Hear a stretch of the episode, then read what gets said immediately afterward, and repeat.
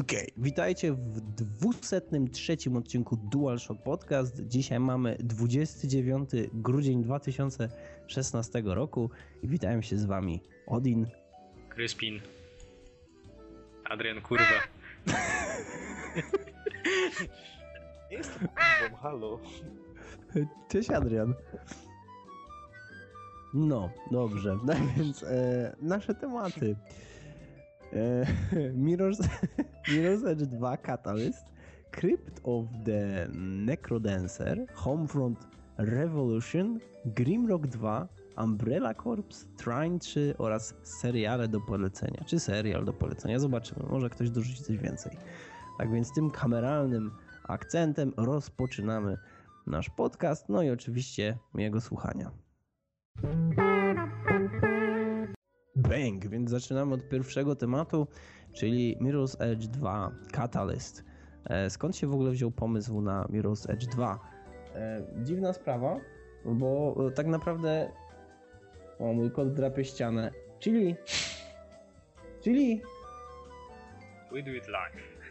Bardzo mi się podoba jego reakcja, jak on przestaje drapać, patrzy na mnie i mówi ale, w, ale w czym jest problem? O co chodzi? E, wracamy do, wracamy do, podcastu. Okej. Okay. Dlaczego akurat pojawił się tutaj Mirror's Edge 2? E, głównie z tego powodu, że ma być to swego rodzaju reboot i zmienia poniekąd trochę to, w jaki sposób gra e, wcześniej działała. E, gra, czyli Mirror's Edge, którą ja bardzo, bardzo lubię i która należy do bardzo nielicznych gier, które kiedy grałem, to nie potrzebowałem robić sobie jakichś dłuższych przerw. E, o tej grze już mówiliśmy na łamach naszego podcastu, tak więc nie będę się tutaj wypowiadał ponownie, natomiast możemy powiedzieć co nieco o drugiej części. No a druga część wygląda na to, że jest grą, e, która poniekąd jest niby już open worldem, chociaż z tego co widziałem to to nadal są pewne takie jakby obostrzenia tam, gdzie możemy się udać, co możemy zrobić. Niemniej, no faktycznie można tam mm, pójść sobie niemalże gdzie chcemy e, i niby na łamach tego open worldu stara się budować tą fabułę, od nowa, co nieco ją modyfikując, zmieniając początek gry. Prawdopodobnie większość e, tych, tych rdzennych elementów, które pamiętamy, również zostaje zmieniona. E, bo ja szczerze powiedziawszy, długo w tą grę nie grałem. Wręcz nawet w nią w ogóle nie grałem, dlatego że no, już po samym trailerze mi się nie podobała. I myślę, że po tym, co widziałem na gameplayach, ta sytuacja nie zmieni się, gdybym ją kupił. Głównie z jakiego powodu? przynajmniej to, co zauważyłem na pierwszy rzut oka, gra przestała być emocjonalna w ogóle. To znaczy fabularnie, bo wiemy wszyscy, że w Mirror's Edge 2 czy w jedynce e, nie chodzi mocno o fabułę, tak? Bo gra, no, nawet gdyby się bardzo starała, to tak naprawdę to meritum uwagi zbiera jednak to bieganie. E, ale zawsze jest fajnie, jeśli, jeśli gra ma dobrą fabułę i w jedynce ta fabuła była. To znaczy, no na pewno z biegiem czasu, kiedy się w nią grało, E, to pozwalała się poniekąd zapoznać, związać i, i, i nawet i zacząć troszczyć o główną bohaterkę i rodzinę. E, w dwójce, no przynajmniej z tego co, przepraszam, z tego co widziałem, to wychodzi na to, że, że, że w sumie no no, no nie, nie wiem, no ja osobiście nie czuję, nie czuję, nie czuję tego, tego przywiązania. Fabuła wydaje się, że wyszła spod pióra jakiegoś amerykańskiego pisarza, który, e, który strzela po prostu takie, e, takie historyjki dla klina typu B, tak zwanego college, college movie czy college films w, w Stanach po prostu z 10, z 20 na, na miesiąc. I, i to się po prostu nie trzyma kupy, nie broni się, nie, nie wiem, no ja, ja osobiście bym raczej się nie przywiązywał do głównej bohaterki, bo, bo po prostu po tym co wiedziałem, no to chyba nie sposób. Kolejna rzecz e, to jest e, ten flow. Flow, który powinien być w grze wyczuwalny, widoczny i, mm, i powinien tak naprawdę obierać jako, jako tak główny aspekt tego wszystkiego, powinien to spajać, powinien to zamykać. Realia są takie, że przepraszam, w tej grze flow nie ma. E, no ja, ja, ja tego nie widziałem. To znaczy, gra, oczywiście postać przyspiesza Faith, kiedy zaczynam biec y, i wykonuje parę tam akrobacji po, po, pod rząd. Zaczyna biec szybciej. Natomiast realnie tego flow nie ma. To znaczy, niby jest technicznie, ale z tym, który był w pierwszej części, on się nie może równać. Po pierwsze, Faith w jedynce, kiedy zaczynaliśmy biec, ona się rozpędzała. To było czuć, że ona nabiera tego pędu, że jest tylko małą kobietą, która, która tak naprawdę potrzebuje rozpędu, potrzebuje tego, tej masy, e, tej bezwładności swojej, żeby zrobić pewne akrobacje. Tutaj w paru momentach widzę, że postać jest w stanie z delikatnego rozbiegu po prostu wybić się w powietrze i wylecieć E, no nie wiem, no na, na, na wysokość powiedzmy paru metrów i w, na odległość 10, co jest totalnym absurdem, dlatego że tak nie zachowuje się fizycznie umiejscowiony w jakiejś tam przestrzeni kartezjańskiej obiekt, żeby tutaj nie wychodzić za bardzo w jakieś tam nerd, nerd yy, no area po prostu to, to wygląda nierealnie, to wygląda tak jakby to nie miała być gra właśnie o tym flow, tylko bardziej już taki arcade. I, I może faktycznie o to chodzi, że gra ma być po prostu bardziej arcade'owa, dlatego że jedynka potrafiła być czasami e, trudna, szczególnie dla osób, które nawet po raz pierwszy zaczynały używać pada, czy, czy poznawały tak jakby cały ten proces poruszania się i patrzenia w tym samym momencie, tak? Dlatego, że nie wiem, czy wszyscy, którzy grali w Mirror's Edge wiedzą, że czasami było tak, że trzeba było skoczyć w jedną stronę, obejrzeć się w drugą i potem znowu się odbić. To wymagało pewnej koordynacji. Może tutaj w dwójce tej koordynacji już nie trzeba, może po prostu wszystko jest trochę prostsze, Fej wskacze wyżej, dalej. No nie wiem. A kolejna rzecz, a właściwie już ostatnia, e, to jest grafika. E, ja osobiście uważam, że Mirror's Edge 2 wygląda gorzej. E, nie ma już tego stylu graficznego, nie ma już mm, tej, tych, tej, tych kolorów, tej głębi, która budowała po prostu wspaniały nastrój. Ja zobaczyłem. Hmm? Zbyt sterylny. Znaczy, no, to też nie powiedziałbym, że dwójka jest zbyt sterylna, dlatego że jedynka była znana z tego, że jest sterylna.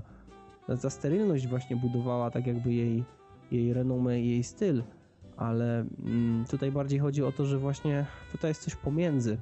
W dwójce y, nie ma tej sterylności, ale też nie ma, nie ma tej bogatości. Jest tak jakby tak, tak, takie limbo. Nie mylić z grom. bo, bo, mm, bo w jedynce mieliśmy sytuację, w których e, na samym początku biegaliśmy po dachach wieżowców w bardzo ostrym słońcu gdzie wszystkie te kolory bieli i tak dalej były niemalże w odcieniach niebieskiego i raziły w oczy. E, kontrast w tej grze e, tak naprawdę pozwalał nam bardzo często kontynuować ten flow, mimo tego, że, że, że, że e, łatwo było się pogubić w tej, w tej jakby architekturze tego miasta. Później, kiedy na przykład trafialiśmy do podziemi, kiedy schodziliśmy do metra, to tak naprawdę ta kolorystyka czerwieni i, i, i zieleni, e, te reklamy, billboardy, to wszystko tak naprawdę budowało też zupełnie taki inny klimat. Tworzyło tak jakby taką strefę buforową, gdzie wchodząc gdzieś wiedziałeś, że coś się zmienia. To był bardzo taki mm, nieświadomy efekt, ale efekt, który był na graczu bardzo odczuwalny, dlatego że potem trafialiśmy do metra, tam się pojawiały już zupełnie inne elementy gameplayowe, fabuła też wyglądała inaczej. Potem na przykład przejścia między kolumnami w późniejszych fazach e, gry, to też miało swój tak jakby odrębny kolor. Tutaj w dwójce ja czegoś takiego nie zauważyłem. I myślę, że to też jest bardzo duży problem, że e, tak naprawdę nawet jeśli gra działa teraz na lepszym silniku i nawet jeśli możliwości graficzne są lepsze, to tak naprawdę najbardziej podstawowych rzeczy, takich jak zabawy kolorystyką, ja już w tej grze nie widzę. Co na pewno nie wpłynie jakby na jej, na jej pozytywny odbiór i też nie będzie po prostu lepsza, bo, bo ma, ma warsztat, ma narzędzia, z których nie korzysta świadomie. No i to są moje zarzuty w stosunku do Mirror's Edge 2. Myślę, że to jest jedna z tych gier, która pokazała się w 2016, która niestety no nie będzie dobra. Pytania, opinie, urósł, zmalał. Adrian teraz pewnie nie wie jak mikrofon wyłączyć. Nie no, ja Nie, ja, ja też nie mam żadnych pytań.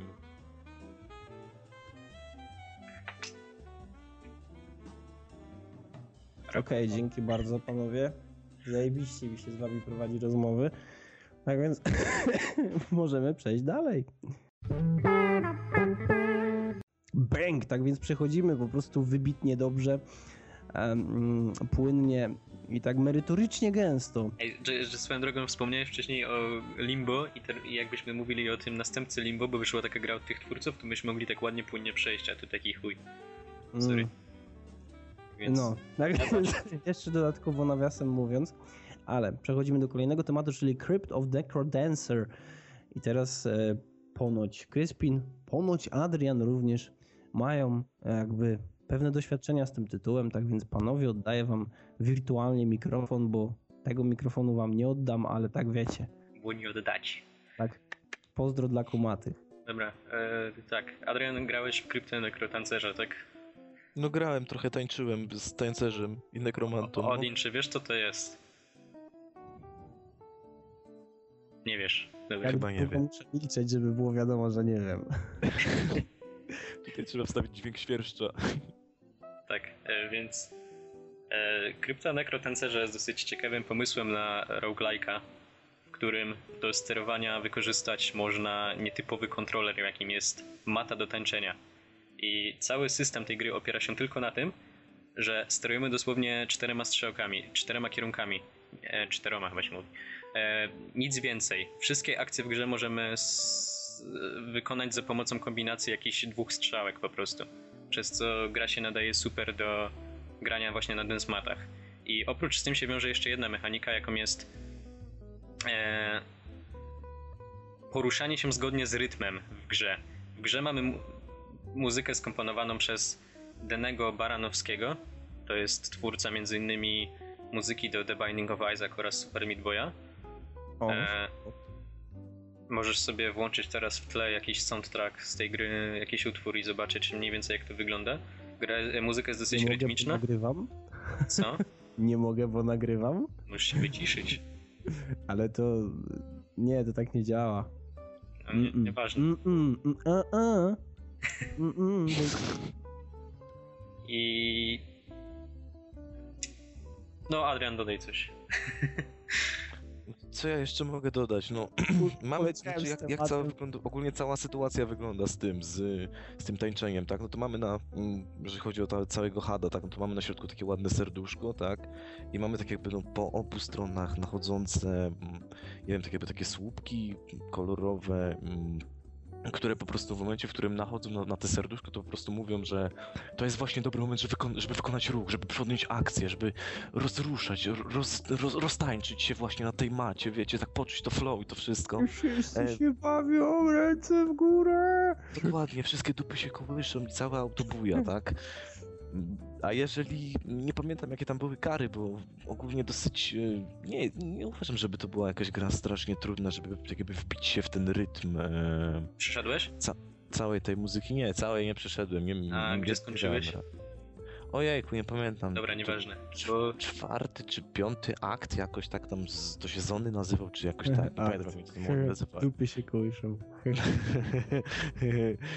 Dojrzały podcast.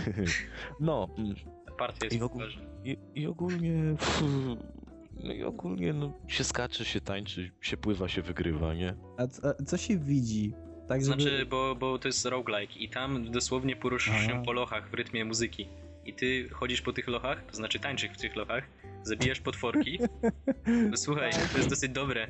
Wyskakują ci na przykład potwór typu szkielet i ten szkielet dosłownie ma taką animację, że on kurwa kręci bioderkami i, i on do ciebie idzie, wiesz, i no, jeszcze też w rytmie muzyki. I ta gra ma taki, znaczy tak ten styl artystyczny mi się podoba, on jest taki mocno pikselowy, ale zobaczyć jak e, szkielety tańczą, czy nie wiem, e, jakiś inny taki w sumie z, bossowie na przykład, o, boss, bossowie też są dosyć pomysłowo wykonani, jest na przykład boss, który jest death metalem i on śpiewa do mikrofonu strzelając w ciebie takim promieniem ognistym i to wszystko jest w rytmie muzyki skomponowane, to jest po prostu, musiałbyś to zobaczyć. E, I w ogóle jeszcze jedno, co jest ciekawe, to w grę można sobie zagrać w koopie. Nie wiem w ogóle, Adrian, czy miałeś okazję grać w koopie? Oj nie, niestety nie miałem, więc tutaj się nie wypowiem, wybacz. Bo my dosyć dużo napierdzielaliśmy w koopie, bo fa- fajnie się gra. Ale z... No na jakiej, zasadzie, na jakiej zasadzie to wygląda? Że, że każdy sobie po kolei chodzi, czy osobno chodzi, czy na, na jakiej to zasadzie wygląda dokładnie? Zostawiasz nóżkę raz na jakiś czas. to, tak, musisz du, du, dupać nóżką do rytmu. Gra to wie. Gra, wi- gra widzi. Siedzi i widzi. Nie, to znaczy gra się tak samo. W, e, macie jeden rytm, jak jed, jeden, jedna postać e, nie trafi w rytm, to no po prostu gubicie rytm. E, I w sumie tutaj warto też wyjaśnić to, o czym wspomniałeś, że nie wiesz jakie są kary dokładnie. Ja ci wyjaśnię jakie są kary, e, jeżeli nie trafisz w rytm. Srogie. Bo w zasadzie ten rytm w tej grze to jest po prostu tura. Jeden, jeden rytm to jest jedna tura. Tam załóżmy, że w zależności od utworu, jaki jest w tle akurat, a to zależy od tego, jak daleko w grze się znajdujemy. E, powiedzmy, że nie wiem, w pierwszym poziomie tura trwa tam pół sekundy. Tam jeden takt, czy jak to się tam nazywa. I jeżeli ty nie trafisz w ten takt, to w tym momencie, w zależności w którym momencie nie trafiłeś, możesz stracić jakby następny ruch i dodatkowo tracisz e, mnożnik punktów.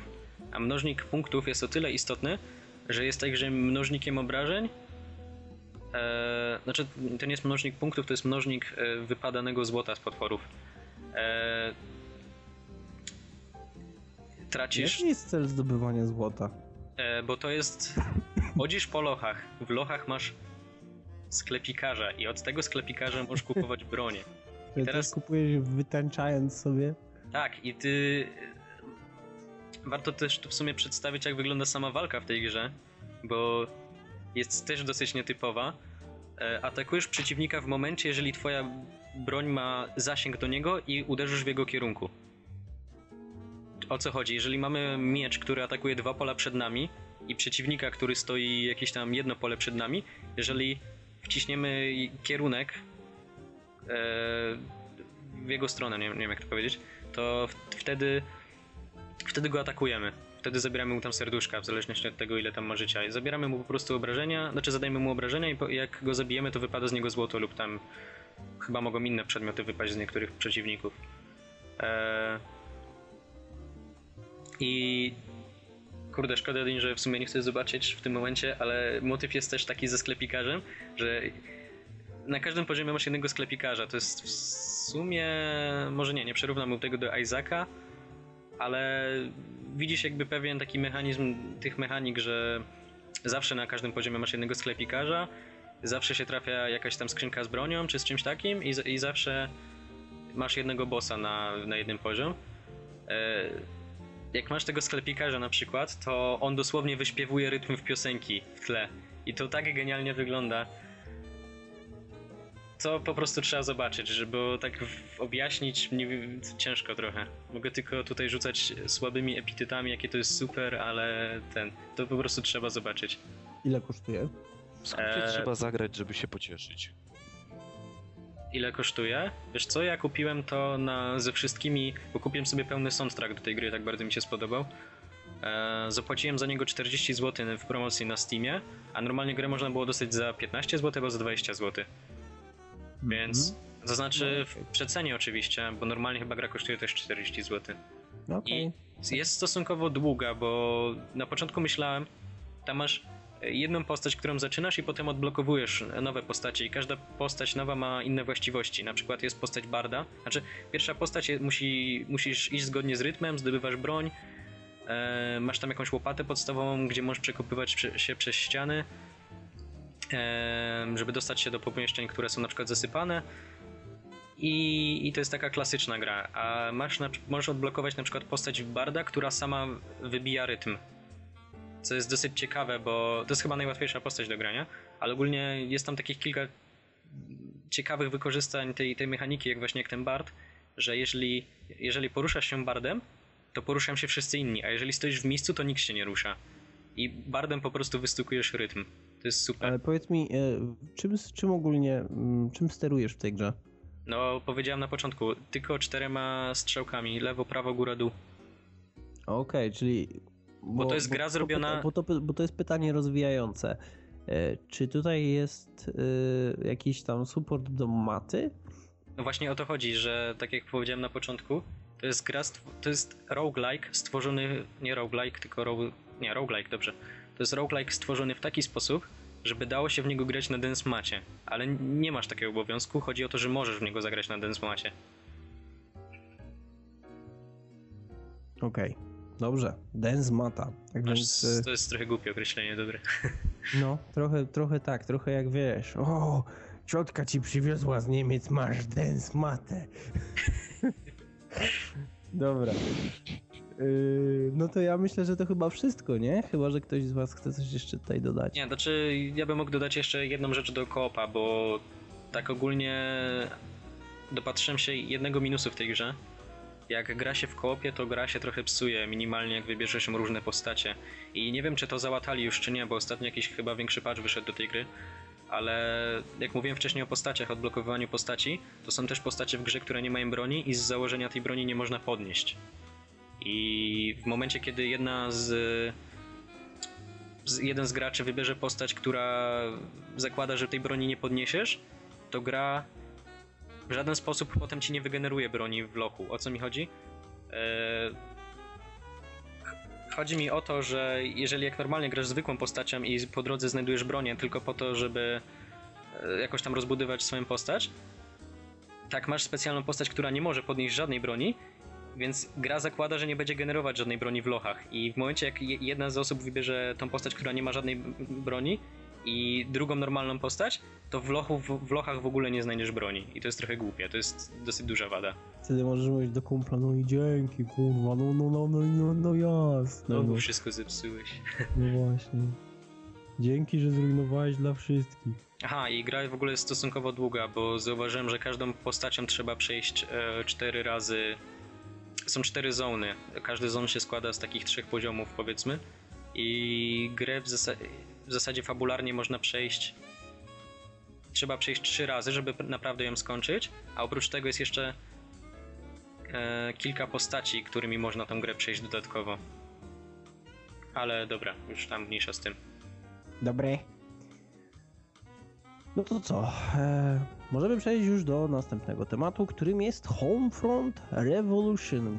E, ja tutaj bardzo krótko, dlatego że my się już mamy taką tendencję do rozgadywania tutaj, e, a jest już też późno, więc to, to rozgadywanie nie jest takie pełne emocji, bo ludzie śpią i w ogóle. E, tak czy inaczej, e, Homefront Revolution kiedyś dawno temu był organizowany free weekend na Steamie. Ja pomyślałem sobie, no w sumie w jedynkę mi się fajnie grało, wspominam całkiem dobrze. Nie jest to jakiś blockbuster, ale z drugiej strony fabularnie był, był bardzo ciekawy, wciągnął mnie, przeszedłem grę całą, kupiłem grę, bo stwierdziłem, że ogólnie jeśli fabuła mi się podobała, no w multi nie zamierzam grać, bo nie czuję takiej potrzeby, ale jeśli fabuła mi się podobała i miała swoje momenty, to czemu nie? No i, i, i spojrzałem właśnie na Homefront Revolution i muszę stwierdzić i zaraportować, że e, po pierwsze jest to próba skopiowania e, poniekąd e, to też można, można by różnie interpretować, ale mm, skopiowania The Division, tylko że w ujęciu homefrontowym, gdzie e, tak naprawdę wiele rzeczy wygląda trochę podobnie. Cały czas biegamy z perspektywy pierwszej osoby, wypatrując kolejnych jakby mniejszych misji na mapie, które możemy wykonać. E, Przeciwnicy, co prawda, w przeciwieństwie do The Division, nie mają swoich e, widocznych leveli, nie ma, nie ma sytuacji, w których, e, w których nad przeciwnikiem pojawiają się jakieś cyferki, czy, czy, czy przynajmniej wiemy, kogo atakujemy, ale z drugiej strony też mamy takie sytuacje, że potrafimy wbiec na grupę respawnujących się przeciwników, którzy no, momentalnie zaczynają do nas strzelać. Gra jest e, zamknięta, tak jakby w tym open worldowym świecie, gdzie na samym początku poruszamy się po takich mniejszych ulicach, dystryktach, które są zamknięte właśnie przez te siły pokojowe e, północnej Korei. E, Oni oczywiście organizują przeczesania budynków, siłowo zaczynają wyrzucać mieszkańców z tych budynków. e, niszczą meble, no tak naprawdę powstaje tam wewnątrz miasta ruch oporu, którym oczywiście my zaczynamy, no może nie sterować, ale uczestniczyć w nim. Mm, być może później zaczynamy sterować, nie wiem, bo nie, nie, skończyłem, nie skończyłem tego trybu. Natomiast y, tak długo jak, e, jak, jak w tą grę grałem, to przyznam szczerze, że, że miałem raczej takie e, mieszane uczucia, choć z drugiej strony pewnie gdybym ją miał, to bym ją skończył, natomiast na pewno bym jej nie kupił. To taki dziwny, dziwny półstan, że z jednej strony gra jest całkiem ok i, i chyba nawet nadaje się do tego, żeby przy niej posiedzieć, a z drugiej strony nie do końca wiadomo, czy faktycznie warto na nią wydawać pieniądze.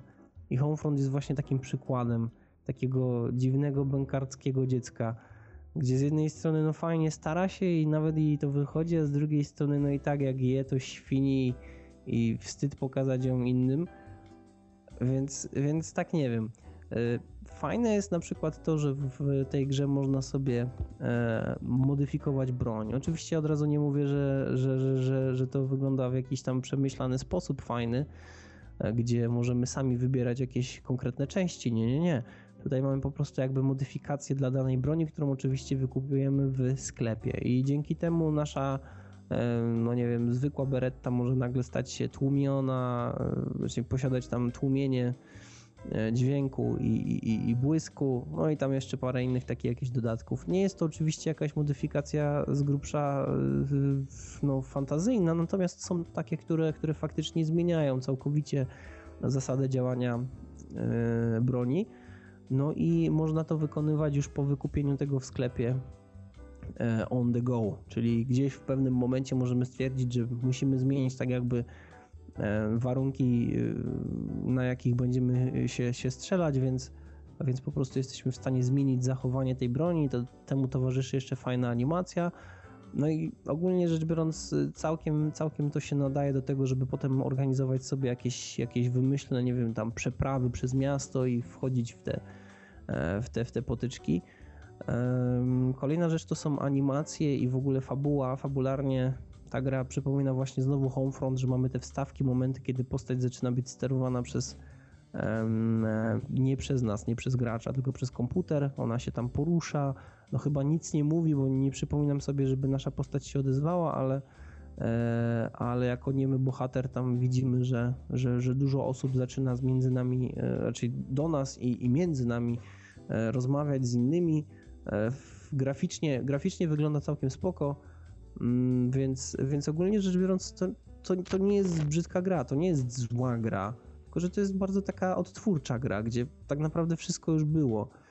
Mm, są takie zadania, kiedy na przykład musimy odeprzeć atak e, jakichś, e, tych e, mm, sił, które, które muszą odbić budynek, który nam przed chwilą udało się odbić. No i na przykład my my w tym momencie musimy tam jakoś, nie wiem, pozabijać wszystkich tych, którzy pojawią się w tym budynku i może jak się pojawią w tym, a nie w tym miejscu, no to wtedy jest większa szansa, że oni nam ten budynek odbiją, albo na przykład mamy do zlikwidowania 7 bądź 8 celów, które oczywiście zasadą e, filmów hollywoodzkich tak czy inaczej do nas biegną.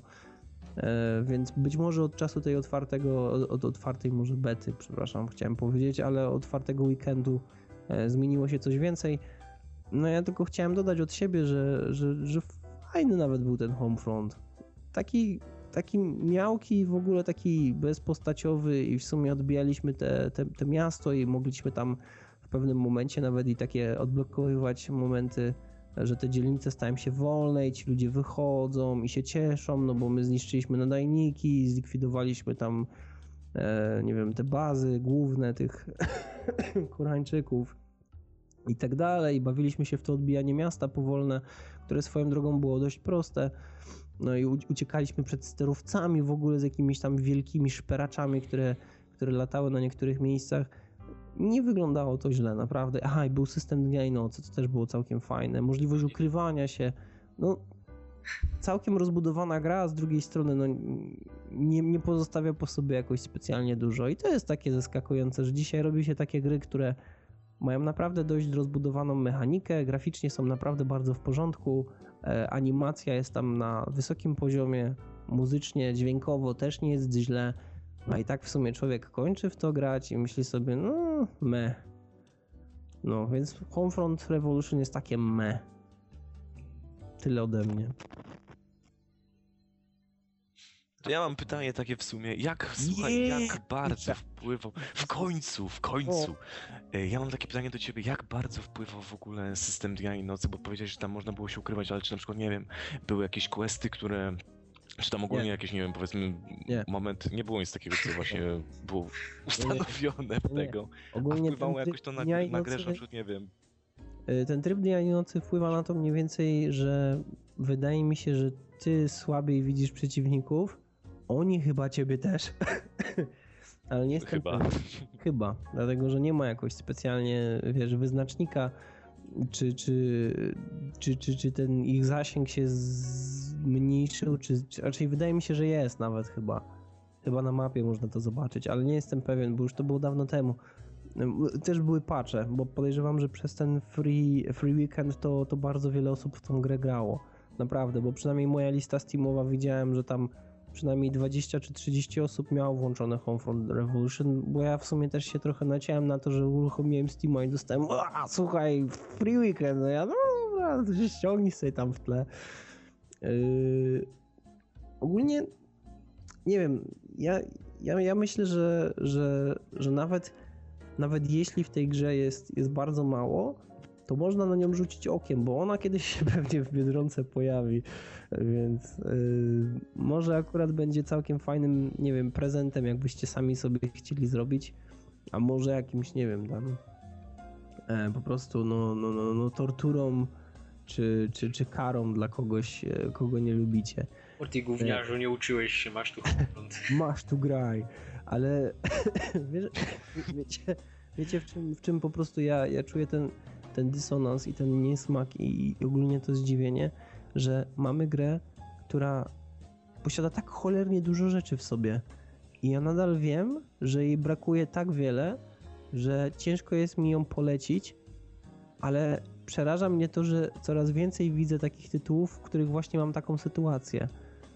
Że Gry od jest- Nintendo, to nie to będziesz... jest naprawdę, to jest naprawdę dobry, dobry tytuł, w którym kurczę masz tak bogaty świat, wchodzisz do jakiegoś opuszczonego sklepu i tam te rzeczy w ogóle się walają i w ogóle to jest fajnie zbudowane i możesz podnieść cegłę i rzucać cegłą, żeby odwrócić uwagę strażnika, jak nie masz żadnej broni. I możesz wszystkie te bronie schować i udawać zwykłego przechodnia. a mimo wszystko, a mimo wszystko to nadal nie jest wystarczająco dużo, choć gra ma, gra ma potencjał i chyba najbardziej wkurza mnie to, że gra ma potencjał i, i ktoś po prostu stwierdził, wiecie co, wypuśćmy to w ten sposób i zobaczymy, co się będzie działo. No i jest takie me. I tyle ode mnie. zabić kogoś cegłą? Jest to możliwe? Oni chodzą w hełmach, więc... A to nie. A to nie... To... Szkoda.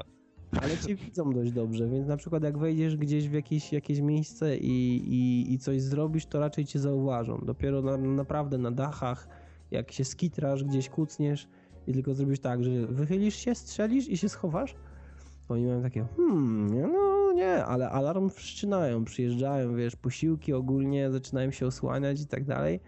Więc to jest takie, że no spoko, okej, tak powinni się zachować, chociaż z drugiej strony powinni się też, no, powinni się przetransportować z tej ulicy, na której ktoś do nich strzelał i się pochować gdzieś, nie? A często jest tak, że się chowają za jakąś osłoną, no ale nadal są na tej ulicy, no więc mhm, no. No. Grimrock 2. Panowie, proszę, pomóżcie. E, za, za, zawsze mi zaczniesz temat, a ja chciałem. A to proszę, ale to już śmiało. Ja no teraz to już nie mam flow. A teraz to już nie. Teraz to już za późno. Nie no tak, wspomniałeś fajnie o systemie dnia i nocy. Zawsze fajnie. Homefront. Zawsze, tak. Głowa mnie boli dzisiaj. Wspomniałeś... No myłem. No dobra, ale będę prasowała. Już?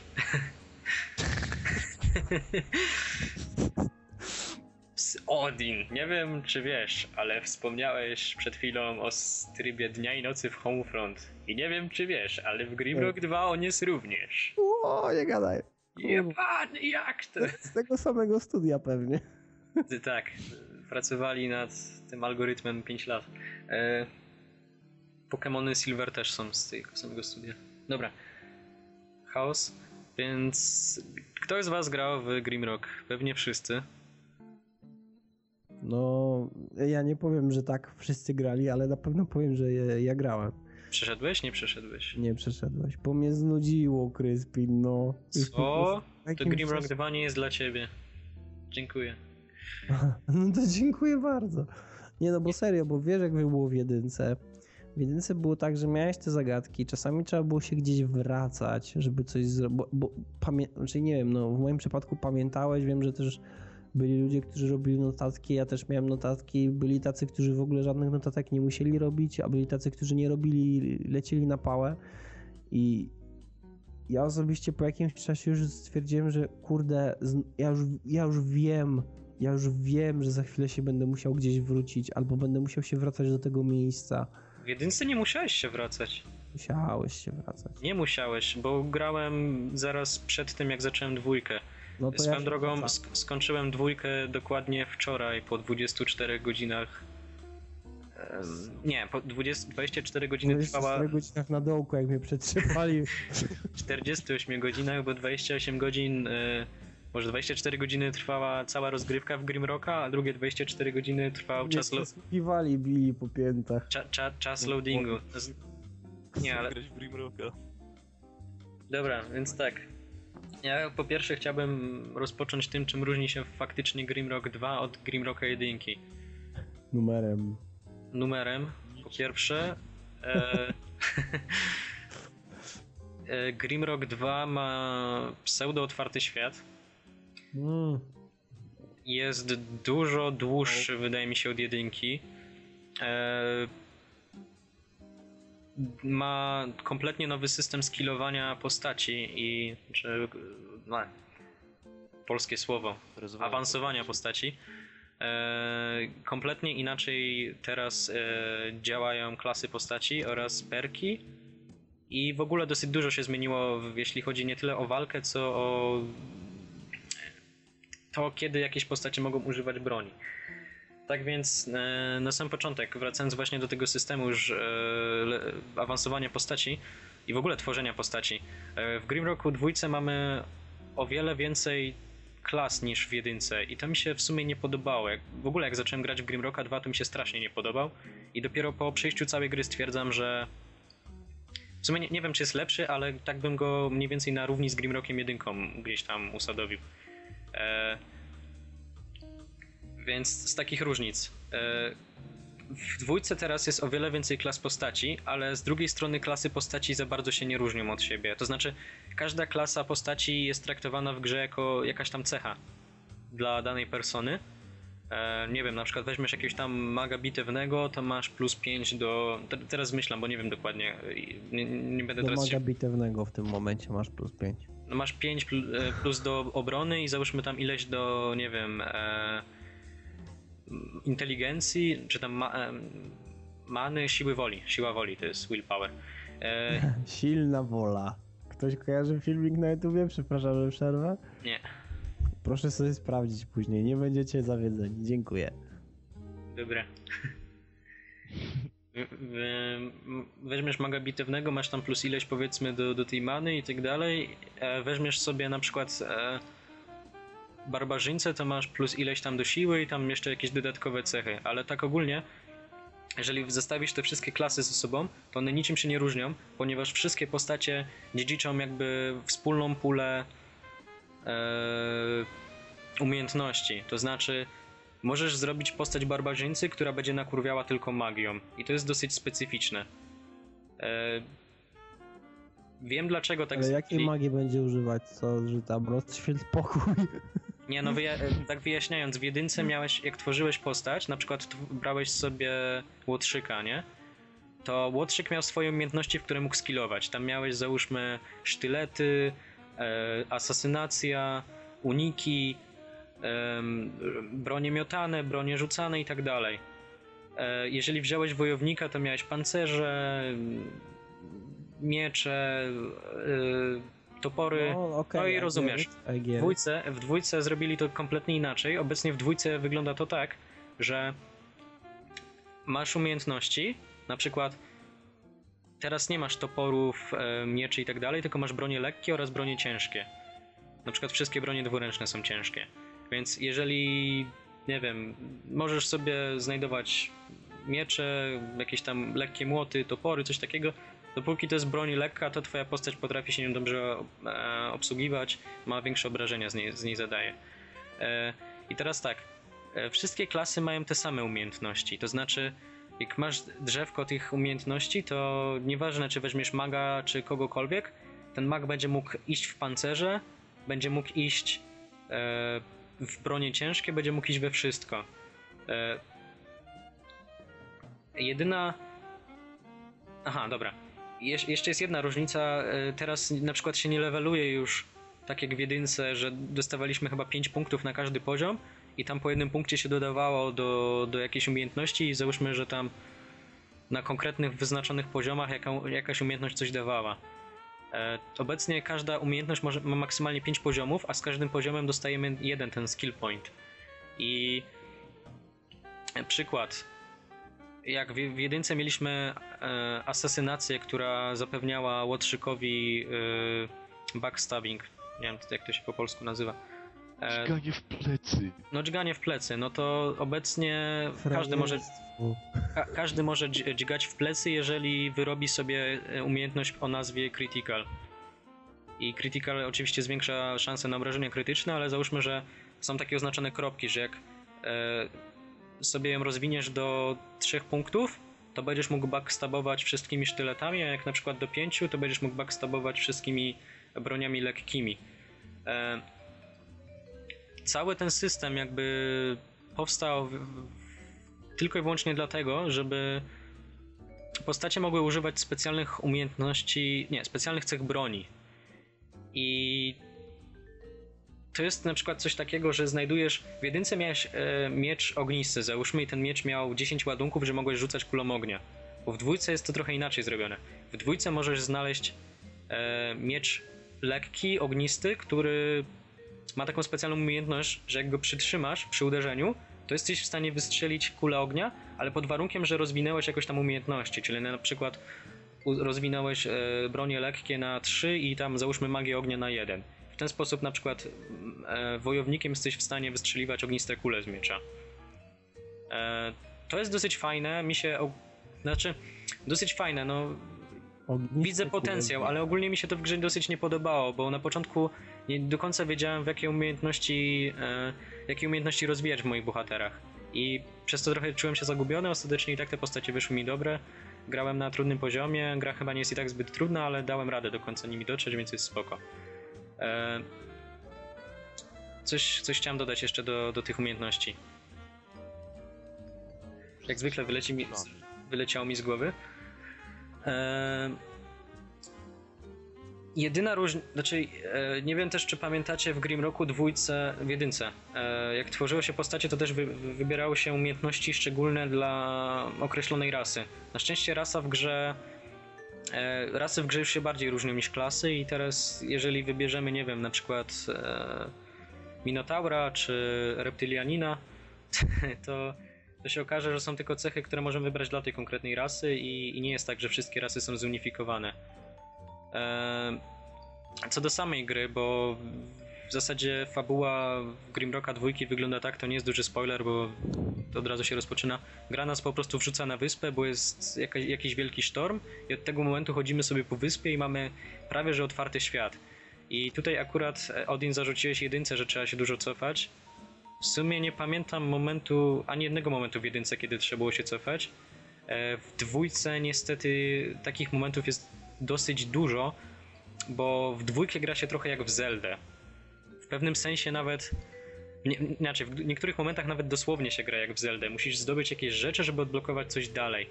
I w dwójce będziesz miał często takie momenty, że o, teraz odkryłeś to, musisz się wrócić tam, aby otworzyć przejście. Często nawet nie będziesz przez przypadek te przejścia będziesz odkrywać, bo e, nie wszystko w tej grze jest takie oczywiste. E, w ogóle z takich nowych rzeczy w dwójce pojawił się też system dnia i nocy, ale nie jest on zbyt dobrze wykorzystywany. W, ogóle mam tu takie lekkie minimalne pretensje do autorów, że wprowadzają coś nowego w grze.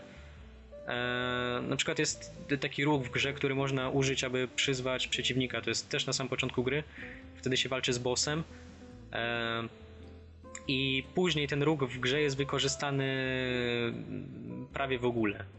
Z, tak samo jest system dnia i nocy i on też prawie w ogóle Ale nie co, jest to już nie możesz wykorzystywany. przyzwać sobie bossa? Czy w ogóle przeciwnika? Nie, nie, akurat w jednym momencie po prostu musisz przyzwać bossa. To jest I tutorial, potem- więc I potem już, już, już go możesz wyrzucić.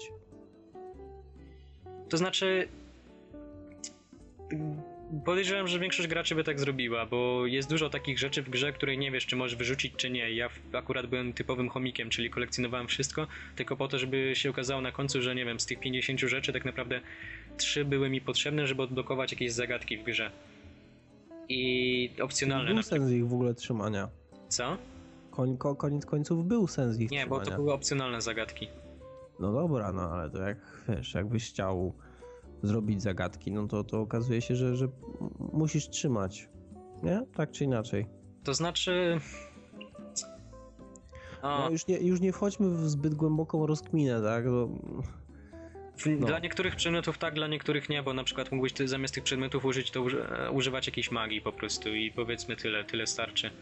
E, Z systemem dnia i nocy jest podobnie, że jest on wykorzystany w grze kilka razy, ale dla mnie jest za mało. Na początku gra chyba ci informuje, że jak jest noc, to potwory chyba są bardziej agres- agresywne i więcej ich wyskakuje czy coś takiego, ale potem się okazuje, że nie.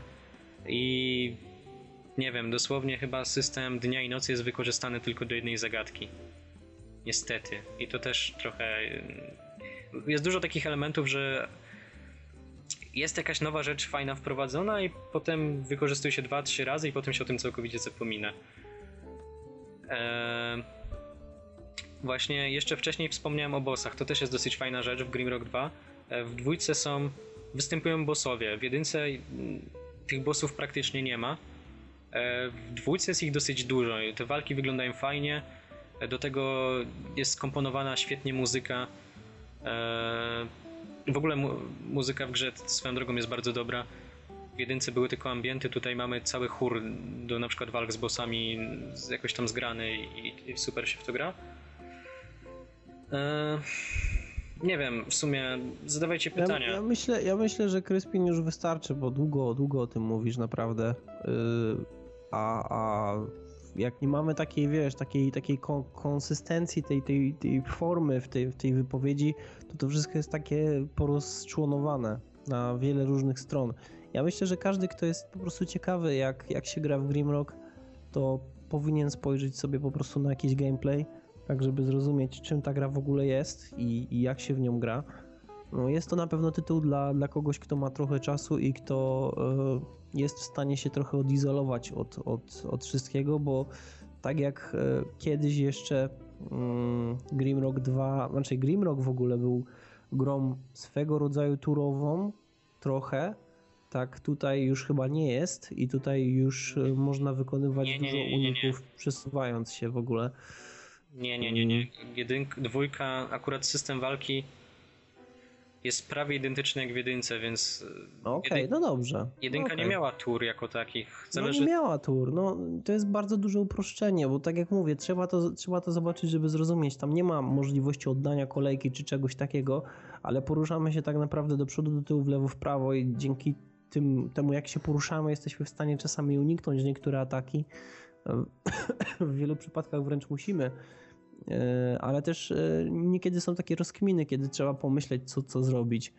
I e, w przypadku dwójki chyba takich momentów, kiedy gdzieś można coś pominąć jest więcej niż, niż w jedynce, więc to też jest taka gra, gdzie po prostu trzeba sobie usiąść i, i, i poświęcić na nią trochę więcej skupienia i uwagi niż, niż na, no, na inne tytuły. Ale no nie wiem, Adrian, może ty chcesz coś tutaj dorzucić od siebie? A ten grał z tego co mi. Grałem, grałem. I powiem tak, że co mi najbardziej przypadło, jeżeli chodzi o kwestię wizualną, jeżeli dobrze pamiętam, bo może mi gdzieś mi się pomy- pokiczkały gry, ale bardzo mi się podobały refleksy słońca ogólnie na tego, na wodzie. Wygl- wyglądało to bardzo ładnie. Kurde, W sumie no, warto dodać, bo gra jest bardzo ładna, a w jedynce, Odin jak kojarzysz, tam chodzisz tylko po lochach i jesteś, masz tak, tak jakby jeden poziom.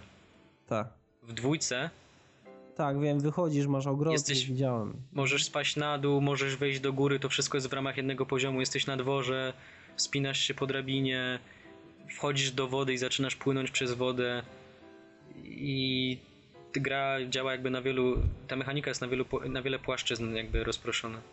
Mhm. Okej, dobra, dobra. Ja zapraszam wszystkich na YouTubesa. Adrian, jeszcze coś chciałeś tutaj dorzucić? A, dobra. Ja, ja, ja, ja, Ja, jeszcze dodam jedną pomoc. rzecz tylko, istotną. A, dzięki, Adrian. Dodaj, jasne.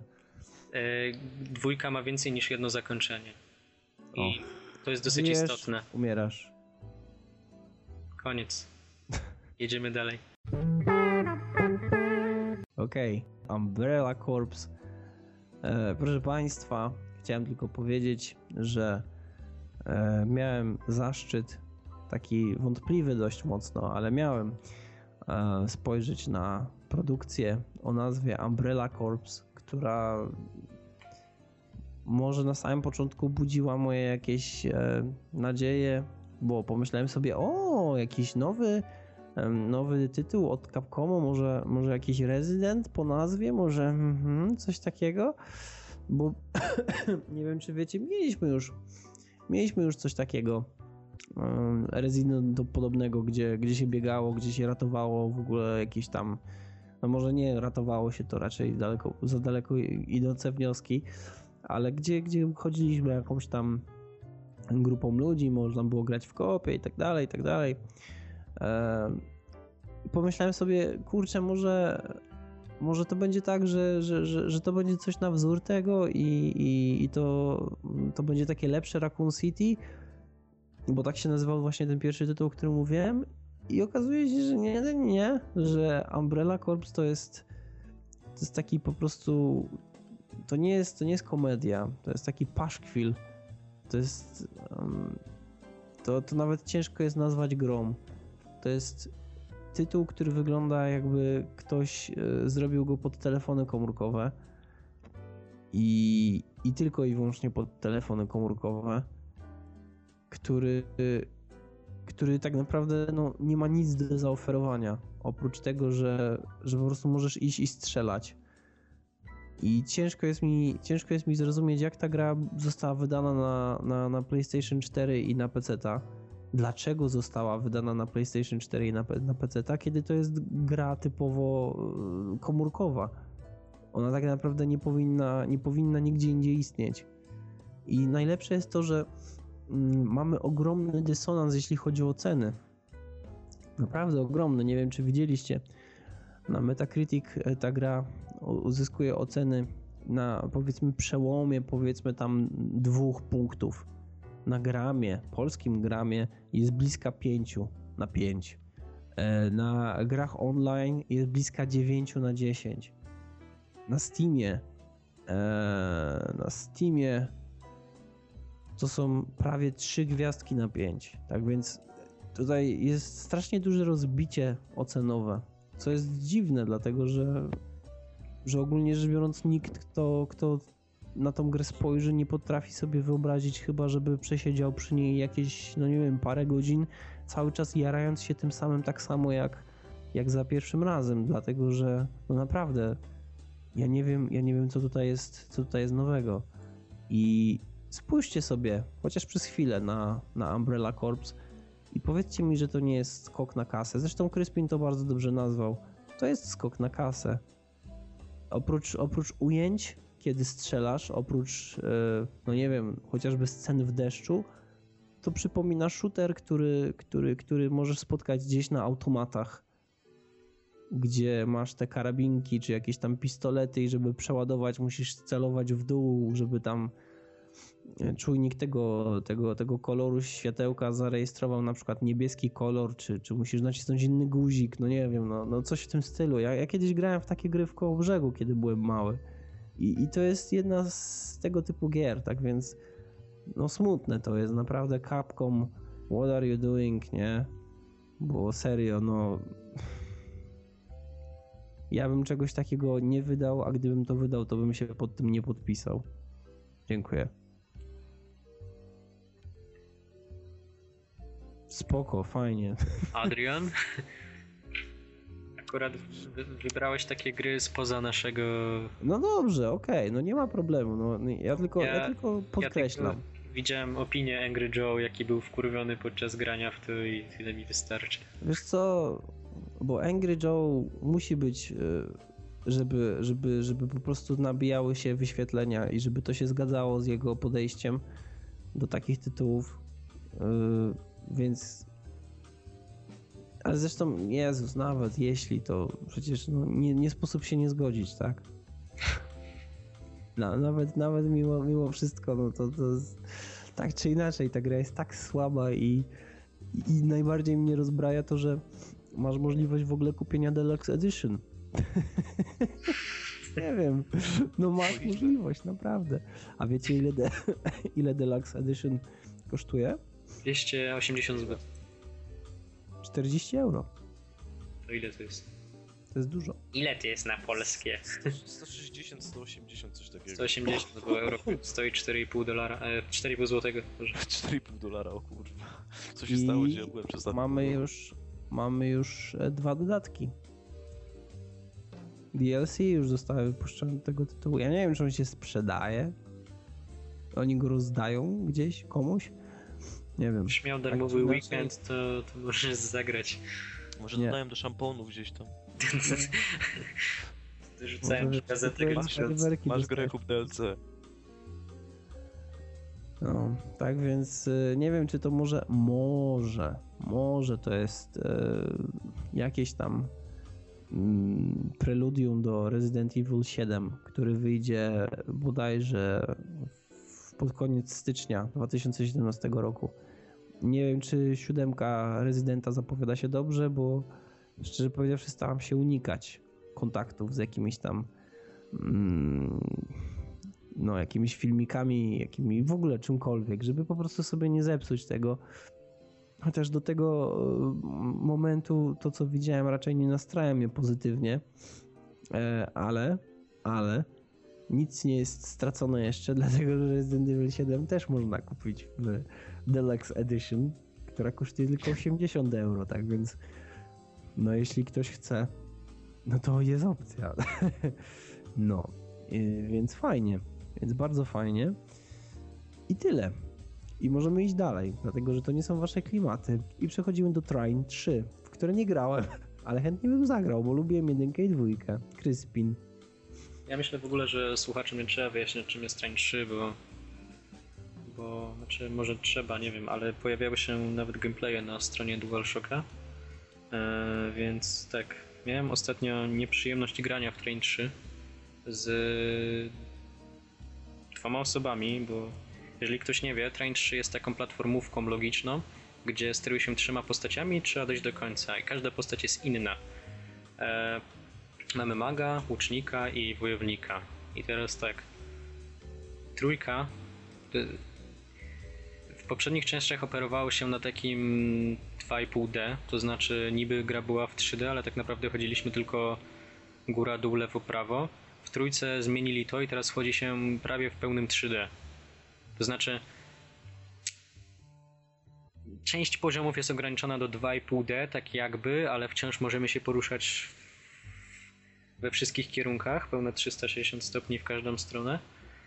Eee, w trój... znaczy i, i czasami są takie momenty, że, że musimy na przykład skoczyć do przodu ekranu albo za nas, żeby coś znaleźć, przejść dalej, odblokować coś w fabule i tak dalej. Eee, trójka niestety mi... Ty grasz w jedynkę, Odin? W jedynce najciekawsze co było, to to, że... Nie, nie zdążyłem odpowiedzieć, przepraszam, tak? Myślałem, że cisza znowu. Nie, Co, nie, oczywiście, że grałem. Ja bardzo lubiłem. Jedynka moim zdaniem jest jedną z najlepszych gier platformowych, w jakie wtedy grałem e, w ciągu tam naprawdę bardzo długiego czasu. Dwójka, dwójka w sumie też była po prostu no, lepszą wersją jedynki, więc no bardzo mi się podobała. Ja mam ten problem, że mam ból dupy straszną dwójkę, ale zaraz wyjaśnię dlaczego. Trójce masz coś takiego, że postacie coraz mniej się od siebie różnią. To znaczy, w tym momencie już jesteś w stanie latać wojownikiem na przykład, więc tak jak w jedynce miałeś ten problem, że musiałeś dostać wszystkie trzy postacie na jakąś platformę, żeby przejść dalej, tak w trójce tego prawie że brakuje. Bardzo rzadko, kiedy jest, jest taki moment, że faktycznie musisz wykorzystać jakąś konkretną postać, żeby przejść dalej. Więc gra jest jeszcze prostsza niż na przykład dwójka. A dwójka moim zdaniem była strasznie prosta i też mi się nie podobała z tego samego powodu, że postacie coraz mniej się zaczęły się od siebie różnić. Trójka wydaje się być takim, no wcześniej rzuciliśmy takim określeniem, skokiem na kasę, bo w zasadzie to w trójce. Trójka to jest pogorszenie pomysłów z dwójki. Wszystko jest gorsze, nawet zagadki logiczne są gorsze. E, ten potencjał tego pełnego 3D w ogóle nie jest wykorzystany w grze. Często on tylko jest, żeby wyglądał. E, nie wiem, nie, nie ma. Tam chyba jedna zagadka jest z tym związana. E, gra się w to tak. Grałem z dwoma osobami i, i żadna nie czuła się dobrze z tą grą. Po prostu. E, trochę. A. No w zasadzie to wszystko już powiedziałem co chciałem. W trójce ani jest nowy tryb 3D, który w ogóle nie jest wykorzystany. Postacie coraz mniej się od siebie różnią, gdzie co psuje jakby główną mechanikę gry. Na, to na czym została zbudowana jedynka. Że masz problem, żeby przemieścić gdzieś wszystkie trzy postacie i musisz używać po- poszczególnie ich umiejętności. E, przeciwnicy to jest taka straszna dupa, że nie wiem, nie, zero poziomu trudności. E, gra też zrobiło się takie jedno wielkie bieganie po korytarzach po prostu. Nic więcej. I szukanie. Chyba nawet. Z, aha! Zrezygnowali nawet z levelowania postaci. Nie wiem, czy pamiętacie, w jedynce i dwójce było coś takiego, że zdobywało się punkty doświadczenia, znaczy eliksiry doświadczenia i Oh yes. to było super. E, zdobywało się eliksiry doświadczenia, dostawało się nowe umiejętności. W trójce tego nie ma. W trójce mamy wszystkie umiejętności odblokowane na starcie. Ja nie wiem, kto wpadł w ogóle na ten pomysł. E, wracając jeszcze do jedynki, w jedynce było coś takiego, że zdobywałeś przedmioty i przez to rozbudowałeś swoje postacie. Na przykład miałeś spodnie, które zmniejszały obrażenia, miałeś jakiś tam kamień, który sprawiał, że wystrzeliwałeś trzy strzały zamiast dwóch, co potem można było dodatkowo tam e, stakować z innymi przedmiotami. E, w trójce też nie ma takiego czegoś, nie ma żadnego ekwipunku. Twoje postacie w ogóle się nie rozwijają. To jest tylko ładnie wyglą- wyglądająca platformówka, nie oferująca kompletnie nic z tego, czym była. Serio. Nie, nie wiem. Powiedz chociaż coś o muzyce, czy chociaż może, nie wiem, muzyka była dobra. Nie Znaczy, ma muzyki, Adrian. Muzyka wiesz? jest Nie ładna. Muzyka jest dwójce dobra. było, W trójce to już, nie- już jest cicho. Nie ma w ogóle dźwięku. Akurat muzyka jest całkiem dobra, bo jest Jak w chuj, pewnym... wyjebaliśmy upgrade'y, wyjebiemy muzykę. Nie zauważą. Muzyka, muzyka jest e, remixem, znaczy część, jest, część utworów jest nowa, część, muzyka, część muzyki jest po prostu takim nie remasterem, nie, remixem po prostu po, utworów z poprzednich części, Dobra. e, przez co bardzo wpada w ucho, bo muzyka z poprzednich części była akurat genialna. E, za nim odpowiada ten sam gościu, co w poprzednich częściach, którego nazwiska nie potrafię wymienić. To jest jakiś Ari Pulkien czy coś takiego. E, Darude Sandstorm, tak. Na muzykę Darude odpowiada. No i dobra, tutaj jed- jedyny plus to gra jest też minimalnie ładniejsza niż poprzednie części, ale naprawdę to jest wszystko. Potrzebne. To nie było potrzebne, powiem ci. Jedynka już była tak cudowna. Nie była cudowna, jak spojrzysz na postacie, to są dosyć e, brzydkie. To znaczy, okej, je- jedynka cieszyła oko, Kryspin, ja nie mam czegoś takiego, że ja zaczynam grać i mówię tak, o nie, no, no nie, no to teraz przegięli, bo ja się przyjrzałem i ja tu widzę. jakbyś zobaczył ryje w dwójce, jakie z bliska, jak one wyglądają, to byś powiedział, że jedynka jest ładniejsza niż dwójka. Nie powinno nazywać Train, tylko Tyryje 2 w takim razie. Te, te ryje. Te ryje. Je dwa. Ryje 3. I akurat pasuje, bo trzy postacie. A, w, w trójce można Slavik skład zrobić postaciami, a nieważne.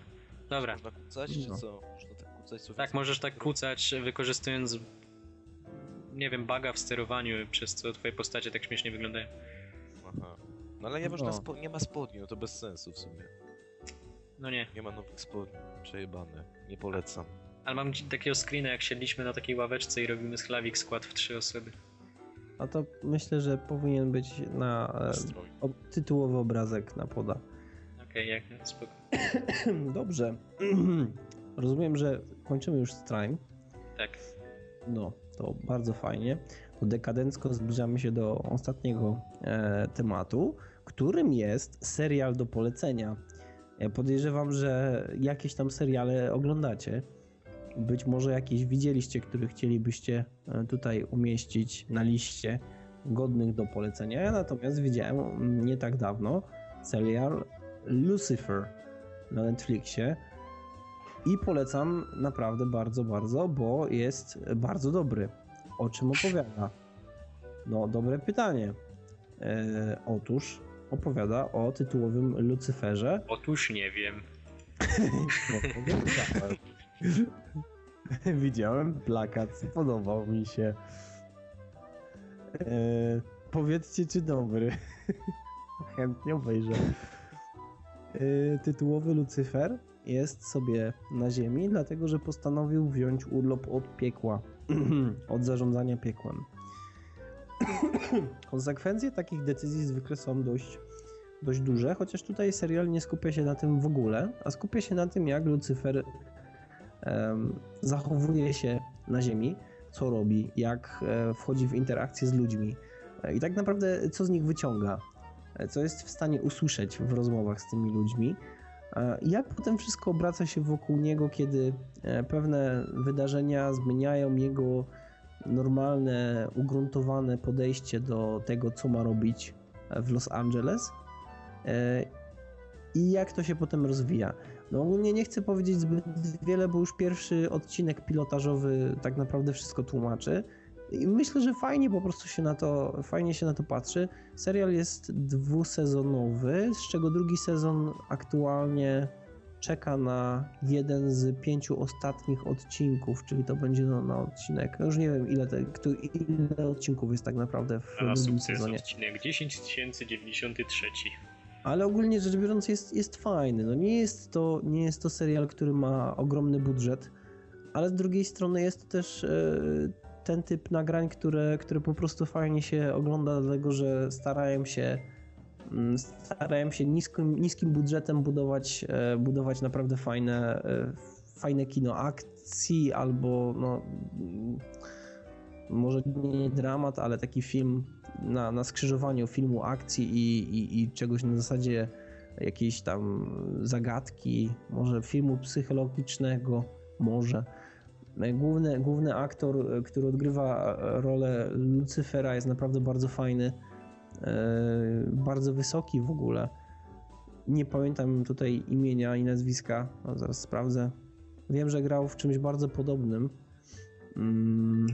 Tom Ellis, tak? To jest on? Wydaje mi się, no reklama Pring... Mhm. Reklama chipsów na pierwszej stronie, tak, Tom Ellis. E, w czym on grał? On grał w Rush, Secretly, Cricket Hall i jeszcze paru innych filmach.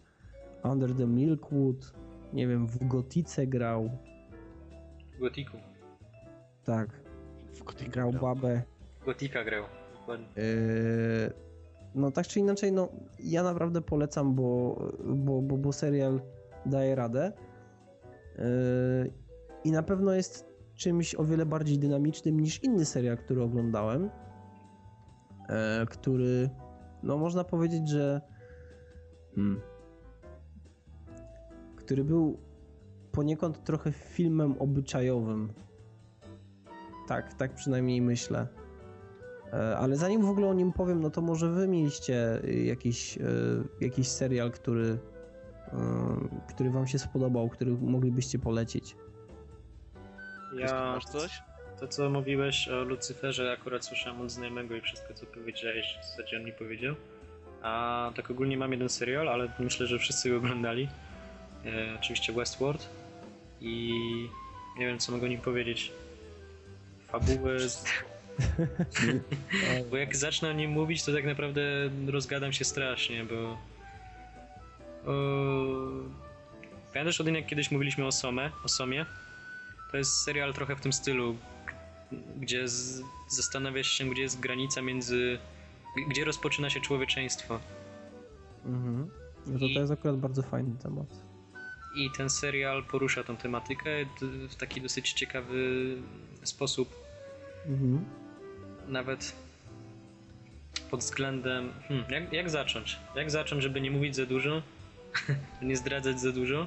Pomyśleć. Dać innym. I wrócić. Adrian. Ale Crispin dobra, musi to pomyśleć. To dobra, to o Crispin pomyśli, to ja teraz powiem swój. E, nie wiem, czy większość z was oglądała, czy też nie. E, ja mam takiego swojego, u- mój, swój mój faworyt, jeżeli chodzi o seriale i w ogóle o podejście do całego gatunku, em, powiedzmy, że komedii, jako że serialu, to jest ser, serial Scraps, e, po, pod polskim tytułem jakże wybitnym, powiedzmy, chorzy Szklana doktorzy. pułapka.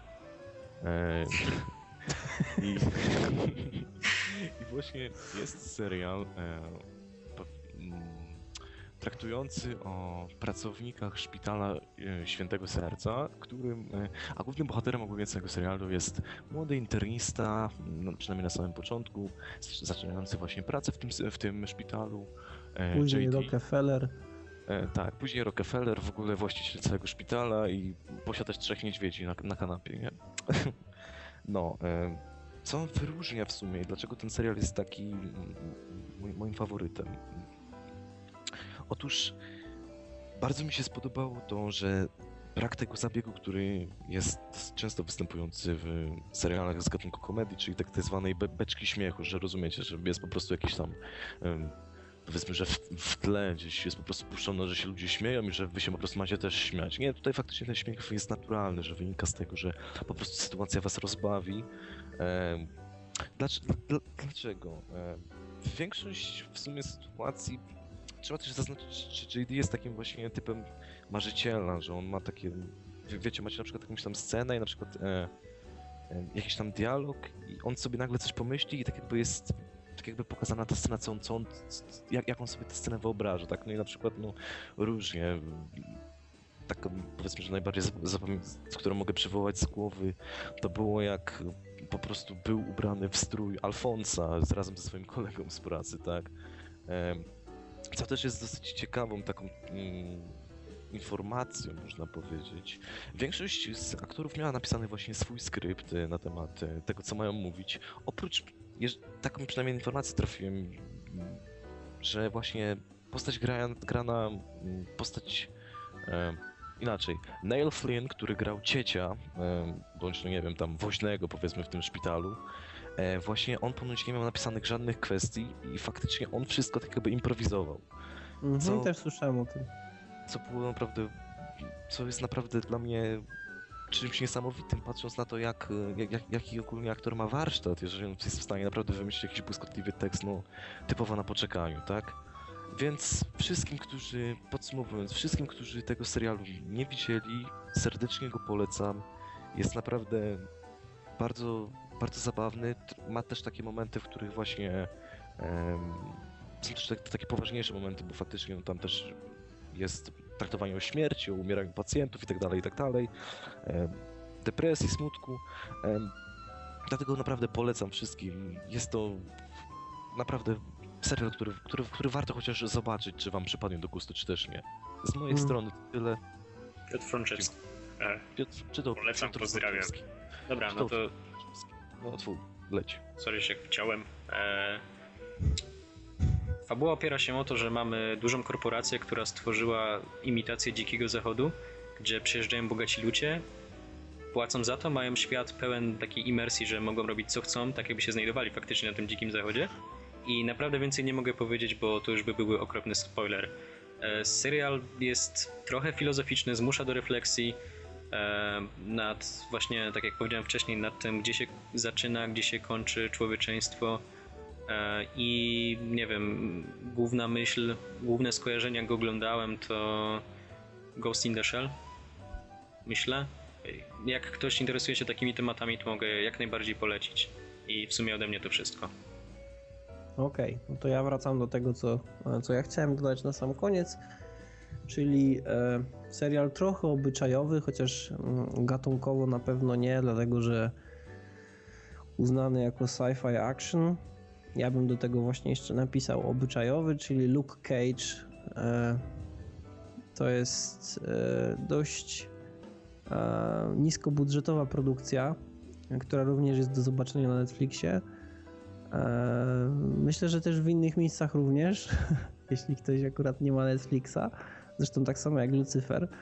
I opowiada o e, takim gościu, który e, w wyniku pewnej sytuacji w więzieniu wpada w taki mm, krąg, w którym prowadzone są walki, walczy dlatego, żeby się wydostać z tej monotonii, a jednocześnie, żeby uciec od e, tego, e, co w tym więzieniu się dzieje z ludźmi, którzy nie walczą. On jest, on jest dość duży, wysoki, umieśniony, dobrze zbudowany, więc e, jest wciągnięty na siłę przez strażników, którzy, którzy tak naprawdę na tym zarabiają i e, w wyniku pewnych tam sytuacji e, no, zyskuje pewne, pewne supermoce.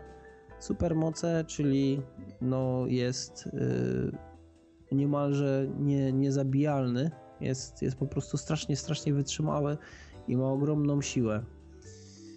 I to właściwie tyle. Jeśli chodzi o jego nadzwyczajne umie- umiejętności, to jest e, to tak naprawdę wszystko, ale najfajniejsze w tym wszystkim jest to, że e, w tym filmie tak naprawdę tych, tych jego mocy nie widzimy praktycznie w ogóle.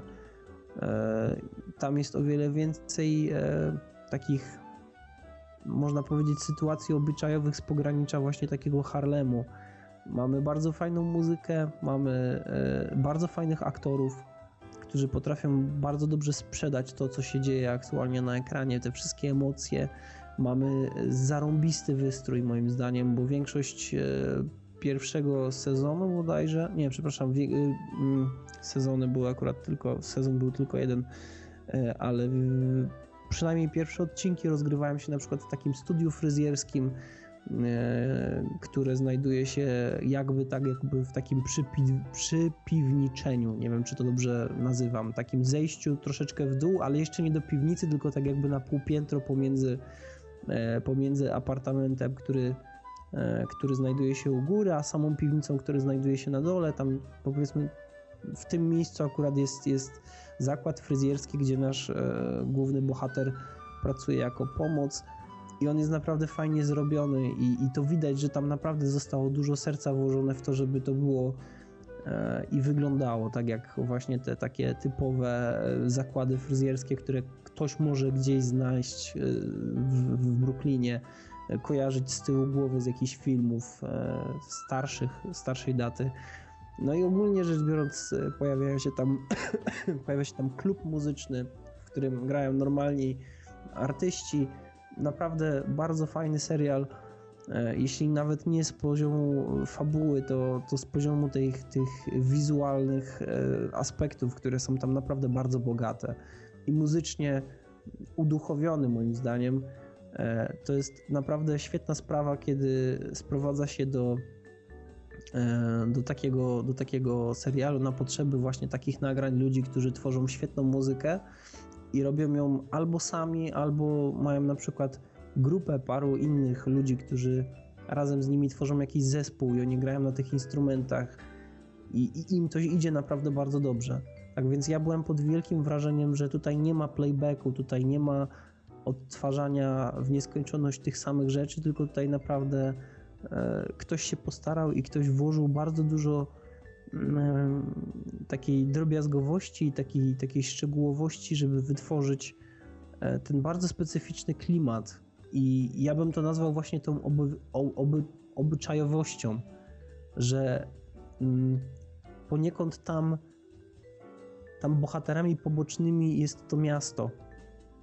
Są ci ludzie, którzy tam bardzo często właśnie grają główne skrzypce. Tam e, bardzo wiele tych rzeczy, które się dzieje, jest przekazywane do nas jako do widza poprzez to, w jaki sposób ludzie na ulicy zaczynają reagować. Nie ma narracji, co jest bardzo fajne. tak więc, jeśli ktoś jest zainteresowany, Luke Cage, e, odcinki mają średnio po 50, no 60 minut. E, aktor, który odgrywa główną postać, to jest Mike Colter. E, polecam, naprawdę. E, może się spodobać. Tak więc, jeśli nie ma pytań, a chyba z Nie sali ma. żadne. Tak, nie ma, nie ma, nie padają żadne. To, to możemy przejść już do zakończenia. A żeby też było w miarę płynnie, to zrobimy tutaj krótką przerwę. I wracamy, kończymy. E, Nie było ok, tak więc pojawia się e, obowiązkowe ok. E, Kończymy odcinek 203. Dzisiaj stosunkowo po cichu i takim stłumionym głosem, dlatego że mamy już wierzący. No i też w takim mocno okrojonym składzie, bo niestety na ostatnie nagranie, które wykonywaliśmy się totalnie posypało i zostaliśmy z niczym, więc nagrywając e, ten podcast, e, no wyszło tak jak wyszło. I e, będziemy się z wami żegnać, dlatego że już w sumie teraz ten moment wręcz niemalże wymaga. Tak więc, no cóż, no zapraszamy was na kolejne odcinki, no i trzymajcie się i do zobaczenia. Żegnają się z wami Odin. Crispin. I Adrian.